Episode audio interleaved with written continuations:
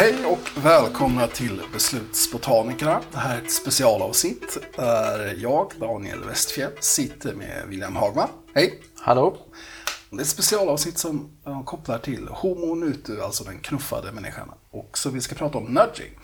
Och skälet till att vi sitter här med William, det är att han ska, när ni hör det här har han säkert redan disputerat, men han ska alldeles snart disputera på en avhandling om nudging. Ja. Så är det. Så i förra avsnittet så pratade jag och Gustav ganska mycket om vad nudging är och så, men jag tänker att det kan vara bra att höra ditt perspektiv lite grann. Vad, vad är nudging om du skulle ge en kort sammanfattning? Mm. Ja, nudging, väldigt kort sammanfattat, är ju helt enkelt att hjälpa människor att göra det de vill göra, är originaltanken. Så att helt enkelt med hjälp av att arrangera situationen de är i får att fatta det beslutet som de vill göra ut efter sina egna inre preferenser. Sen används kanske inte nudging exakt så i dagligt bruk idag om man ser på policyanvändning och eh, framförallt det konsultfilmer gör till företag så är det gått ifrån lite det och man pratar mer om nudging som något prosocialt eller någonting. Så att man har gått lite ifrån det. Men själva grundtanken är helt enkelt hjälpa folk att göra det de vill göra. Genom att undvika diverse mentala snedsteg som man ofta gör som människa. Så mycket bättre än vad vi förklarar. Göra det lätt att göra det rätt. Ja. Precis, så var det väl som det var. Okej, okay. men, men så det här är ju ett väldigt poppis ämne, det har vi kommit fram till. Och du har då under din doktorandtid, du är doktorand i psykologi, psykologi. du kommer snart bli doktor hoppas vi, mm. i psykologi. Eh, så, så har du studerat nudging och nudging kan man ju studera på en massa olika sätt. Du har specifikt fokuserat på vad då? Acceptans av nudging. För att det här är ett ämne som eh, ja, vad ska man säga, exploderar just nu. Man börjar göra många olika typer av nudges på olika sätt. Så det jag var intresserad av det är helt enkelt när är det okej okay att göra det här? För att väldigt mycket inom nudging är ju gammal teori egentligen. Det är det man har gjort i ja, kognitiv psykologi, beteendeekonomi och sånt i massvis av år egentligen.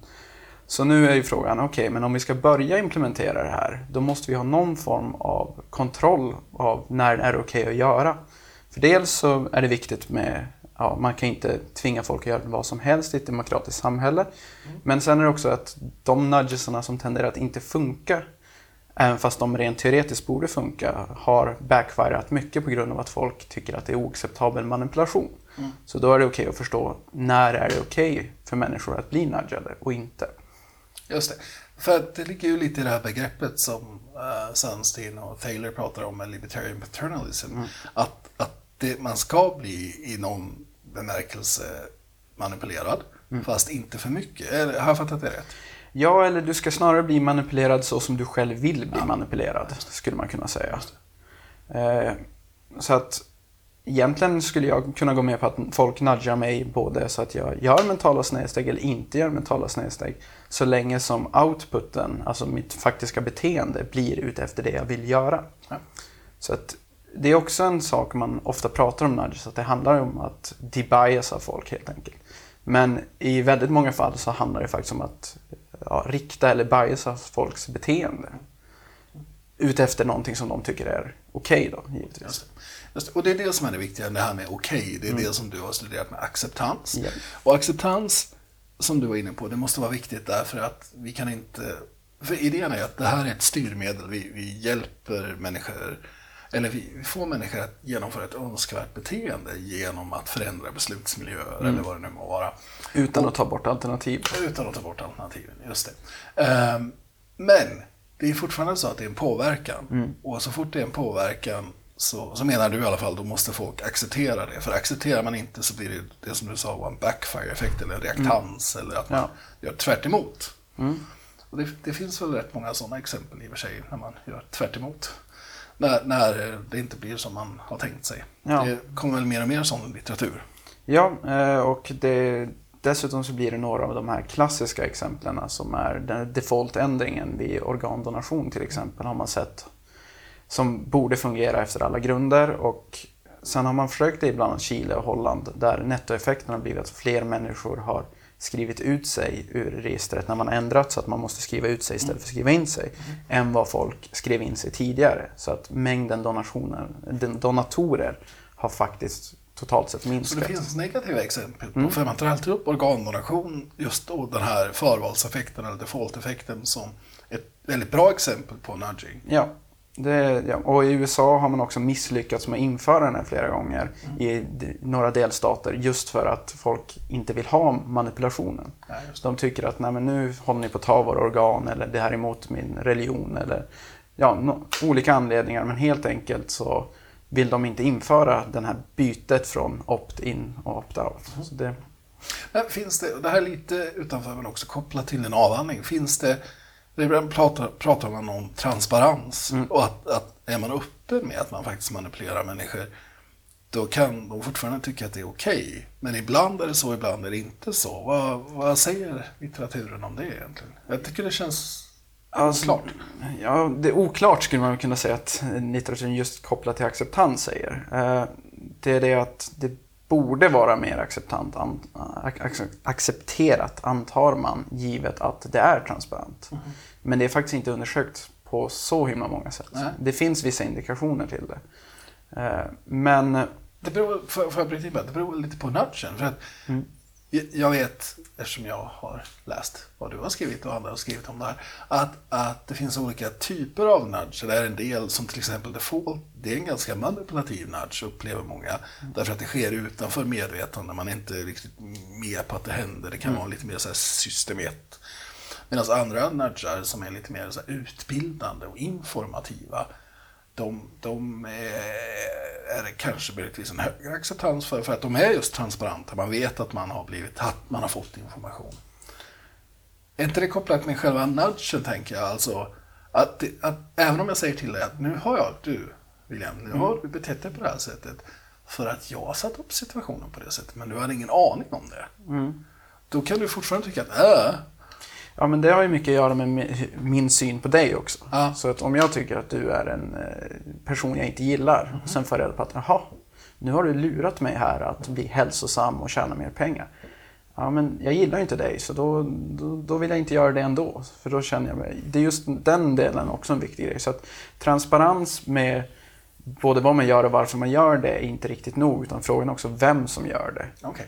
eh, i viss mån. Och för vissa individer varför man gör det. Så att om du får mig att bli mer miljövänlig för att det är bra för samhället i stort medan jag inte riktigt bryr mig om samhället i stort så kan jag också bli förbannad. Medan om jag är någon som bryr mig väldigt mycket om, ja så att jag är prosocial så att säga, då är det någonting som kanske gör mig ännu mer eh, uppskattande av att du använder den typen av nudge på mig. Just det, för då hjälper jag verkligen dig att uppnå de målen. Jag har ingen bakomliggande ond avsikt. Nej, precis. Medan om jag, om jag känner att du hjälper mig att vara mer miljövänlig för att du tjänar pengar på det och jag, mitt mål är att vara rent prosocial så kanske jag blir sur också. Det. Medan om du hjälper mig att tjäna pengar och jag gillar att tjäna pengar genom att vara miljövänlig så är det en bättre nudge för mig. Nu, nu, vänder vi lite på, på steken här, för vi ska ju komma in och prata om vad, vad du har gjort i dina studier. Men vi kom in på din sista studie här lite grann nu, med, med valarkitektens, alltså avsändarens roll. Ska vi, kan du inte beskriva den sista studien? För det, jag gillar den jättemycket, jag tycker den är spännande. Ja. Det är hot stuff också, den är inte publicerad ännu, så det är så first peek för dem. Preview helt Ja. enkelt. Ja, det vi gjorde var att vi beskrev fyra olika nudges, bland annat organdonation, klimatkompensering, cancerscreening och pensionssparande. Och det som är spännande just i studie 4 är att vi sa att avsändaren var olika politiska partier. Så i, en, i ena betingelsen var det Sverigedemokraterna som föreslog det här. I den andra betingelsen så var det Alliansen och i den tredje betingelsen var det de rödgröna partierna. Okej. Så samma förslag fast, fast du bara bytte ut vem det var som faktiskt skickat det här förslaget? Ja, precis. Så Eh, ibland var SD för eh, klimatkompensering Ja. och ibland så var vänster Socialdemokraterna för. Ja, precis. Mm. Eh, och sen så frågade vi också folk vad de skulle rösta på om det var val idag och det här har vi gjort i somras då. Så före valet. Förra valet. Precis, före valet. Och sen frågade vi vilket parti i eh, riksdagen som är längst ifrån dem politiskt också. För att kunna, så att vi istället för att anta att vänster inte gillar SD så kunde vi helt enkelt få de individerna som inte gillade SD oavsett politisk tillhörighet och få reda på att de inte gillar det. Och tvärtom. Smart. Och sen så jämförde vi helt enkelt. Ja, hur stor skillnad är det ifall det kommer från ett parti som du skulle rösta på eller ett parti du ogillar? Och då ser vi att det är en ganska linjär effekt. Så att om det är ett parti eh, som du skulle rösta på så gillar du det mest. Om det är ett parti du inte skulle rösta på men, in, men ingen som du ogillar så är det lite mindre och är det någon du ogillar så gillar du ännu mindre helt enkelt. Så trots att det är samma förslag Ja. till nudging så finns det en systematisk effekt vem avsändaren är Absolut. av förslaget. Så miljöpartister gillar inte klimatkompensering om det är SD som föreslår det. Det är ju ganska provokativa fynd. Ja, det är det. Men eh, de är också väldigt logiska. Ja. Och tyvärr kanske lite en sorglig bild om hur verkligheten faktiskt är. Att det handlar inte bara om vad du säger utan vem som säger det. Eh, Och det kan det finnas väldigt många anledningar till. För man kan ju tänka sig att till exempel om du är miljöpartist och du har ett SD föreslår att vi ska nudga för att klimatkompensera vid flygning. Så kan man ju tänka att ja, men de har det förslaget för att de inte vill göra något mer. Medan om, om det är Miljöpartiet som föreslår dem så tänker man bara på vilken positiv inverkan det har för att det kommer att öka mängden som klimatkompenserar. Så det är någon fokuseringseffekt av informationen helt enkelt. Man tolkar in lite mer än, än den information som ges. Att okej, det finns en politisk agenda bakom det här. Ja, det är en möjlighet i alla fall. Det är just, just förklaringen har vi inte data på utan vi har bara att skillnaden finns. För jag tänker att det är lite motiverat tänkande också. Är det inte bara så att allting som eh, Miljöpartiet säger är värdelöst om jag är mot Miljöpartiet? Ja, dels det. Det kan finnas två saker. Då. Det ena är ju det här, som du säger motiverat tänkande. Som kan helt enkelt vara det att jag fokuserar på olika saker beroende på vem det är som säger det. Så att när Miljöpartiet säger om jag ogillar Miljöpartiet så tänker jag att de säger det med en agenda för att undvika någonting annat exempelvis. Medan om jag gillar Miljöpartiet så förhärligar jag det de säger helt enkelt och tänker att det, det här är ett, kanske ett bra första steg. Medan om jag ogillar Miljöpartiet så tycker jag att det är ett dåligt sista steg istället.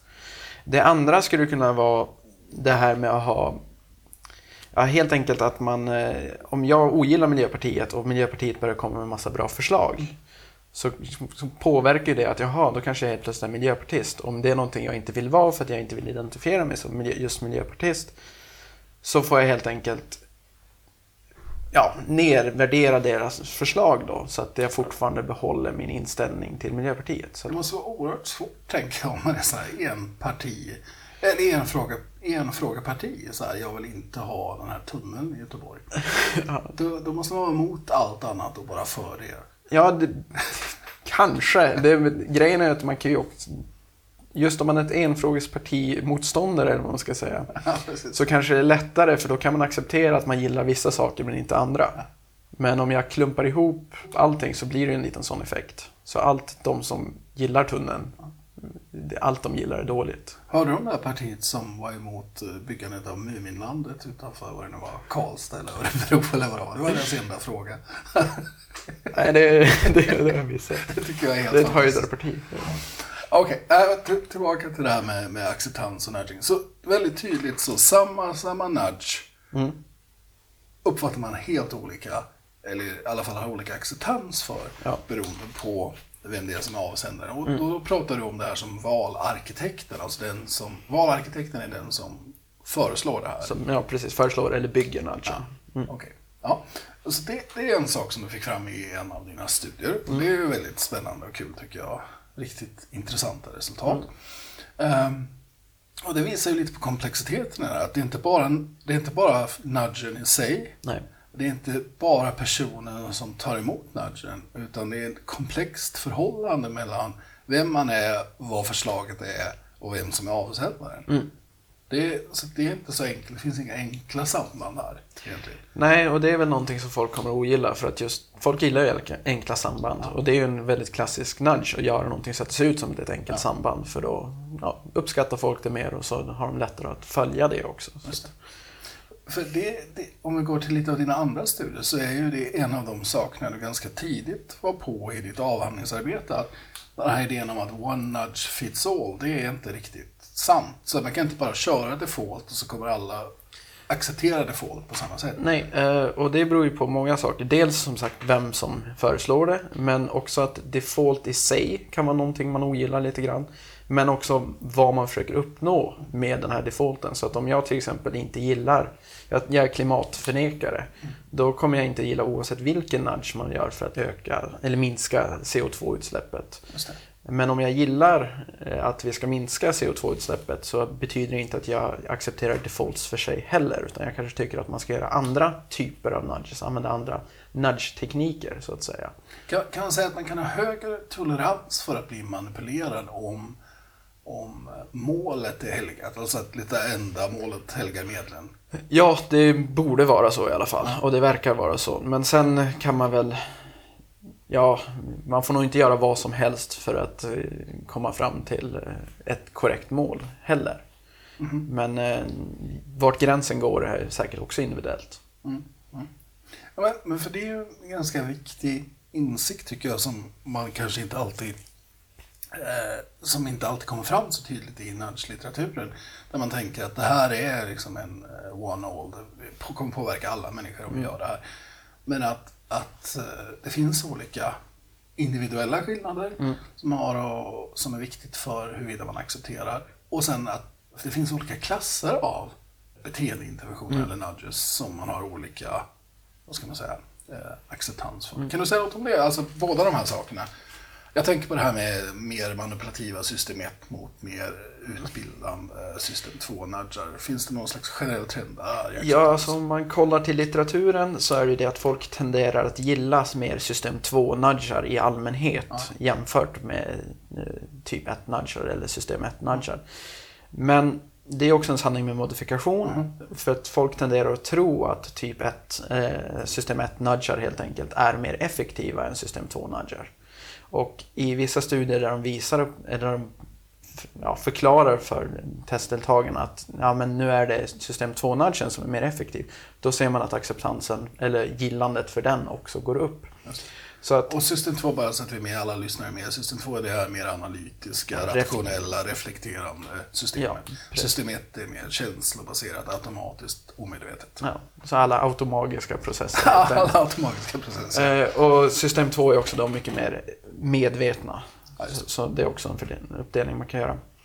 Eh, För det kan Sandsten visa att han hävdar ju det att, att folk gillar de här eh, utbildande nudgarna Mm. eller informativa nudgarna. Ja, precis. Och det kan man ju förstå också för att de är ju inte manipulativa för sig. Men sen kan man ju också börja trixa runt det där med att hur du utbildar är också ett sätt att rikta information. Om jag lär dig att eh, göra bedömningar på ett visst sätt så kan jag rikta vad du kommer att bedöma sen. För då behöver jag bara highlighta de sakerna jag har sagt till dig är viktigt att tänka på i rätt ordning. Så då har jag ju system 1 manipulerat i ett system 2-tänkande också. Så det är inte riktigt så enkelt att de är helt skilda från varandra heller. Du lyssnar på Beslutsbotanikerna. Det finns en rolig, nästan liten paradox med nudges. Det är den här med att folk gillar... Man tänker att om en nudge är riktigt effektiv så slutar den på sätt och vis vara okej för att den är så manipulativ. Alltså om, det, om du aldrig ens tänker på att jag påverkar ditt beslut och får dig att ändra beteende så, så blir det ganska fort någonting som man börjar få lite obehagskänslor över. Men samtidigt så gillar folk nudges just för att de är effektiva också. Och Det är konstigt. Ja, och, för, för, och det, men det kan man också ha lite att ja, men om du har massa nudges som inte fungerar så kanske de bara är irriterande. Det är klart. Till exempel om du har äckliga bilder på cigarettpaket och det får mig inte att sluta röka men det får mig att se äckliga bilder hela tiden. Så är det kanske just det att om den hade fått folk att sluta röka, om jag hade trott det, då hade den varit okej. Men om jag inte tror det så är det bara ett störande moment. Ja.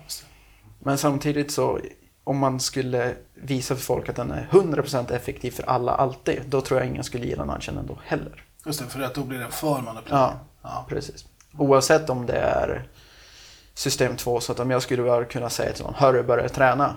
Sen hade de börjat träna och det var 100% effektivt. Då tror jag folk efter ett tag hade sagt åt mig att sluta säga till folk att träna helt enkelt. Just det. Så okej, det finns de här olika klasserna av nudges. Det finns en massa olika indelningar där. Har du, har du i ditt arbete gjort någon speciell uppdelning mellan olika former av beteendeinterventioner? Ja, jag har delat upp dem lite grann. För det finns som sagt väldigt många olika ramverk och uppdelningar som folk har gjort. Och den jag tycker har varit på just tekniken man använder för nudges som jag tycker är bra uppdelning. Det är ju, första steget är att separera dem i de här typ 1 och typ 2 nudges som är då helt enkelt mer intuitiva nudges mot mer reflektiva. Eh, Den andra är om nudgens mål är att helt enkelt debiasa eller biasa folk så att om man ska få folk att undvika mentala snedsteg eller få folk att faktiskt göra mentala snedsteg. Sen har du den här transparensindelningen så att om folk förstår vad nudgen gör och att den finns överhuvudtaget. Det är ju de egentligen största viktigaste uppdelningarna. Okej. Man kan Ja, ha. men för jag tänkte också på den här som, som jag tror att du kanske var först med att göra den här indelningen eh, mellan eh, nudgar som primärt påverkar mig själv och nudgar Ja. som primärt har effekter för samhället, det som kallas för pro-self och pro-social. Nudges. Jo, de, den uppdelningen är ju egentligen inte kopplad till tekniken utan det är mer till målet med nudgen. Ja, Och där är just den här delen att pro-self nudges är ju nudges som är bra för individen själv. Eh, och det är ju mycket, mycket närmare originalidén med nudges. Medan som vi har börjat märka att pro-social nudges är det folk faktiskt ofta sysslar med. Och pro-social nudges är ju bra för samhället i stort före individen. Så att det kan fortfarande vara bra både för individen och samhället i stort. Men själva huvudmålet är att göra någonting som är bra för samhället. Så kanske får försaka något litet för att det ska vara bättre för samhället. Ja, precis. Att eh, en eh, prosocial nudge kan vara om jag får alla att donera pengar till Röda Korset så är det ju dåligt för alla individer för att de blir av med pengar. Men det är bra för samhället i stort för att vi får in pengar till Röda Korset. Medan en pro-self nudge är till exempel att få folk att börja träna som vill träna för att då är det bra för dem och det här kommer ju också få konsekvenser för samhället. För att ifall folk mår bättre och är mer ja, inte är vältränade så har de mindre risk för sjukdomar vilket slutar belasta sjukvården. Så att då är liksom sidoeffekten är bra för samhället i ena fallet och sidoeffekten kan vara bra för individen i det andra. Som. Och i dina studier så har du väl visat, om jag inte har fel, att folk har högre acceptans för de här eh, pro-self Ja. Och eh, också, det är viktigt, du mäter en annan sak. Det är hur mycket man upplever att det här påverkar fria viljan eller det fria valet. Ja, om det inskränker på det fria valet. Och också fördelarna med nudgen. Och då säger vi att om eh, det, vi säger några saker. Dels att acceptansen är högre för pro-self mot pro-social. Eh, och vi ser också att de är, anses mindre inskränkande på fria valet. Och vi ser, jag ser också att om det är fördelaktigt för individen så är det en viktigare indikator på om nudgen, eh, det korrelerar mer med acceptans och minskad inskränkning än vad fördel för den prosociala nudgen är. Det är väldigt intressant och väldigt viktigt tycker jag eftersom precis som du påpekar så idag så är det mycket fokus på de här mer prosociala nudgarna. Eh, och att det kanske är en större barriär då att få en, en, en eh, allmän acceptans för den typen av beteendeinterventioner. Ja, precis. Och om man ska vara riktigt elak kan man ju säga att det inte ens är nudging. Nej. Alltså om det går för långt till att bara vara prosocialt och så att individer inte längre får fördelen, då har du ju faktiskt börjat gå ifrån konceptet nudging. Och då kan vi prata om marknadsföring igen istället, fast för allas välmående eller samhällets välmående i stort istället för sälja produkter. Men som du sa så har ju många sådana här interventioner både en fördel för individen och en fördel för samhället. Skulle man inte kunna eh, använda sig av stabila beteendeekonomiska effekter som inramning eller framing då för att, att framställa att okej, för den här nudgen så finns det fördelar för dig. Så att man får folk att bli mer accepterande för en prosocial nudge om man, om man förstärker de i- prosocial, eller pro-self-egenskaperna. Ja, eh, och det här har vi testat. Jaha, Eh, vad spännande. Och eh, helt enkelt genom att vi sa det till deltagarna att den här nudgen är bra för samhället. Så att eh, om man minskade sin elkonsumtion så var det bra för att det har en positiv miljöpåverkan. Eh, eller att det har en positiv verkan för folks plånbok då helt enkelt. Och det vi ser där är att nej, det funkar inte så himla bra att bara använda framing-effekter. Okej. Eh, Det påverkar mer ifall man anser att nudgen är inskränkande på det fria valet men acceptansen tenderar inte att förändras. Okej. Sen finns det lite så här, skumma interaktionseffekter som, vi inte riktigt har, som jag inte riktigt har lyckats klura mig runt hela vägen. Men ibland är det bättre att eh, säga att en nudge är pro-self och ibland är det bättre att säga pro-social. Och jag tror att det beror på domänen i sig. För att vissa domäner eh, är mer naturligt i folks attityd prosociala. Så att när vi pratar om eh, miljönudges eller miljöbeteende så tänker folk eh, globalt i världen stort och man tänker inte på sin egen plånbok i först, Nej, första hand. Medan om vi pratar om pensionssparande så tänker man för sig själv och inte för alla andra. Nej. Och det har, vi, det har jag i andra studier försökt eh, framea då pensionsinformation som eh, du gör det här för att det är bra för samhället. Och det ogillade folk i ganska hög grad. Just det.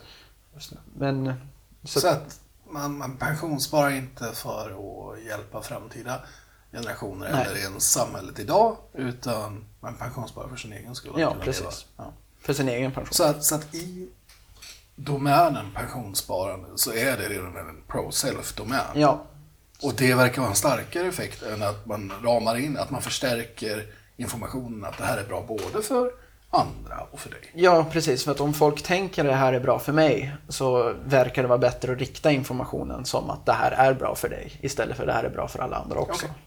Intressant. Det tycker jag är väldigt intressant. Mycket av det du säger här nu går ju tillbaka till den här ursprungliga definitionen som Sunstein och, och Taylor hade. Med att det handlar verkligen om att låta människor, hjälpa människor att fatta beslut de faktiskt själva vill. Och börjar man komma in på en zon där det är inte är så klart att det är det här jag vill. Då, då börjar folk liksom dra öronen åt sig lite grann.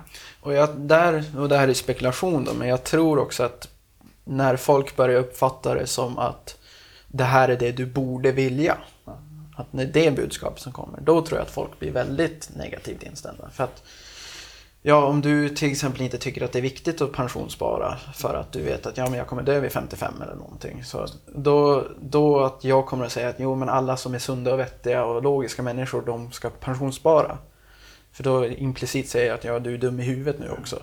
Så då är det klart att du inte tycker att mitt budskap är lika viktigt. Just det. Så det har inte bara med att göra att det är en, en beteendeintervention utan det är vad ska man säga, de implikationer som det här har av att jag inte redan nu gör det här beteendet. Då framstår man som en dålig människa. Ja, alltså det är en Ja. sig- signalpolitik i det också så att säga. Eh, Så att vi, för att om vi pratar om nudges som någonting alla vill och sen vill inte du det, då är du skild från normen Just det. på något sätt. Just det. Ja, det är intressant för att vi var inne lite grann på det här med eh, att politisk eh, åskådning kunde påverka acceptans. Men du har i dina studier också sett att det finns andra individuella skillnader som är viktiga både för acceptans och det här inskränkningen av det fria valet. Ja, och den, den tydligaste genomgående det är ju om man mäter huruvida folk är individualistiska eller mer för eh, tycker Kollektivet. Det, ja, kollektivet och tycker att samhället eh, ska ta hand om individen. Eh, även ibland på bekostnad av individen. Just det. Så det finns en naturlig variation i, i en svensk population exempelvis i om man är mer fokus på individen och att individen ska klara sig själv. Det är vissa människor, andra människor har mer synen att samhället ska ta hand om varandra. Ja, vi precis. ska dela resurser lika och sådär. Okej, så det kan man mäta med någon typ av skala. Ja. Ja.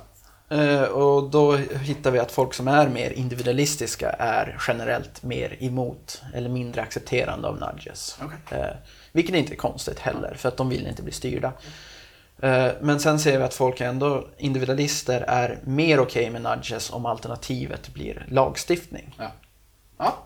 Och medan folk som är väldigt eh, eh, har väldigt lite individualistiska kanske gillar lagstiftning mer än nudges. Och, det kan, det. det kan ju vara en syn på att om, det, om de anser att det är det effektivare alternativet kan vi lika gärna köra på det istället. Ja, men för det är intressant för att det är ju ofta som man ställer de här, nudging är ju ett, ett attraktivt, potentiellt attraktivt alternativ till hårdhänt lagstiftning. Så det är intressant att du har sett de sambanden, att det kanske, kanske är vissa personer som tycker att nudging är bättre än, än lagstiftning för vissa domäner. Ja. Men det är inte alltid, om jag har förstått rätt, så att lagstiftning är sämre än nudging. Nej, det behöver inte vara det. Nej. I alla fall. Nej. Eh, Även fast för vissa individer så borde det vara det givet deras grundläggande attityder. Eh, Precis. Men där får du också interaktionseffekter med vem det är som föreslår det och sånt där. Ja. Så att det kan även vara en nudge från någon du gillar, kan vara säm- eller någon du ogillar kan vara sämre än en lagstiftning från någon du gillar. Så att du har fortfarande den interaktionseffekten också. Det är ju jätteintressant. Så att ett mjukare styrmedel som föreslås av, låt oss säga SD, Mm. om jag är nu emot SD, eh, upplever jag som mindre acceptabelt än en hårdhänt lagstiftning från mitt parti. Ja. Det är jätte... Eller du kan Ja, göra det kan vara så. Det- Ja. Inte, inte alla, men eh, det finns sådana tendenser, ja. Men det är också väldigt intressant för att då är det inte... För det ses ju alltid som en självklarhet i den här uh, nudge-teorin av forskningen att uh, nudge-interventioner som är mjukare är mycket bättre än lagstiftning. Just för att de är Ja. mjukare. Ja. Eh, Men det, det finns inte inbyggt, utan det beror alltså på all massa andra faktorer. Som Ja, vem är avsändaren, vem är jag, vad är det det faktiskt Vad är målet och hur effektivt tror jag det är och så vidare. Ja, så det är ju ett antagande som kanske inte riktigt stämmer. Nej. Vilket kan bli väldigt problematiskt för hela nudging egentligen. Ja, absolut. Vad spännande. Jag tror att vi ska ta och eh, börja avrunda här. Vi har väl ganska bra fångat in din, din avhandling tycker jag. Ja, det, Det- tror jag. Ja, Okej, vad heter din avhandling? Oh, det är ju den här stora miljonfrågan. Eh, When are nudges acceptable? Ja, And influences of uh, beneficiaries, uh, techniques, alternatives and choice architects. ja. Och den kan man ladda ner va? Från Ja. eh, Lius hemsida. Ja, och den finns på Diva, som Ja. deras eh, fina portal heter. Ja. Eh, och sen kan man annars mejla mig så kan jag länka eller eventuellt skicka en kopia om man är Okej. nog intresserad. William.hagman.liu.se Stämmer bra. Ja, men jättebra. Eh, vi har ju två saker vi måste göra innan vi avslutar helt och hållet. Och det är ju, vad skulle du, nu har ju du gjort all den här grundforskningen, vad ska du skicka med dig till människor som vill använda nudge? Liksom, vad har du lärt dig som vi inte visste innan som du vill förmedla till våra lyssnare som vill använda sig av nudging i praktiken? Alltså, jag tycker att en sak som folk glömmer bort när de pratar mycket om nudges överhuvudtaget, och det här är lite skilt från min avhandling till och med, det är det att det handlar väldigt mycket om att faktiskt förstå problemet. Så folk är väldigt, väldigt peppade nu på att börja nudga till höger och vänster. Men jag tror att många kommer börja försöka implementera nudges som löser någonting som inte riktigt är problemet. Så att du måste fortfarande gå tillbaka till det här, okej men vad är egentligen problemet för att se hur vi faktiskt löser det. Och det andra är ju, som inte är nytt heller kanske, men det är testa, testa, testa givetvis. Men det man ska tänka på det är hur vi kan konvertera datan för per- personen vid beslutstillfället till faktiskt information som betyder någonting. Och det är en väldigt viktig sak. Så att om det är en prosocial människa som vi ska försöka sälja ett prosocialt koncept till så måste vi göra det på det sättet. Men om det är en människa som inte bryr sig om det prosociala då ska man konvertera det till hur de individuellt kan tjäna på det exempelvis. Så allt handlar om att helt enkelt förändra ja, menlös data till faktiskt information som de kan använda vid sitt beslutsfattande. Det skulle jag skicka Bra. med folk. Det är jättebra. Perfekt. Härligt. Jag tror att du är bland de första avhandlingarna kring området nudging. Det är så nytt. Ehm, så att det får vi snart en superexpert på området. Så kontakta William Hagman om ni vill veta mer om detta. Vi har ett stående inslag, nu har vi redan pratat om nudging i tidigare avsnitt, men vi har ett stående inslag här som Gustav Tinghög brukar hantera och det är ju eh, landskapsblomman för nudging. Okej. och han valde Glenn Hussein för att han är en person som är väldigt lätt att knuffa i olika riktningar. Han tycker det är gött att bli glad, liksom vad man än, vad man än Okej, så han tog det på vem som gillar att bli nudgad. Ja, alltså. precis. Så. Men jag tänker att, att eh, eftersom vi pratar om acceptans här nu, vem, vem skulle abs- absolut inte acceptera en nudge? Vad tänker du då direkt? Men som absolut inte skulle acceptera en nudge. Ja, du har ju problem med det till att börja med. Ja, men det får ju vara någon Vilket är lite problem. Ja, du är inte riktigt Ja, så, så stor kändis. Ehm, ja. Det var en svår fråga Ja, faktiskt. absolut. Som har svårt att acceptera. Ja, så där har vi. Donald Trump är ju lite av en kandidat. Ja, Men eh, han, problemet är att han skulle vara väldigt accepterande också så länge, beroende på vilket humör han är på. ja, just det. Så att han skulle som också, avsändaren? ja, och om han själv är avsändaren Ja. så skulle det vara okej. Eller någon som han för tillfället tycker är väldigt bra. Ja. Så att han är nog väldigt lätt att nudga. Man- Och väldigt för och emot beroende på dagshumöret. Så att Donald Trump skulle Donald. Trump. Ja, men det blir jättebra. Ja, det låter bra. På detta bombshell så avslutar vi dagen. Tack William. Tack så mycket. Tack, tack.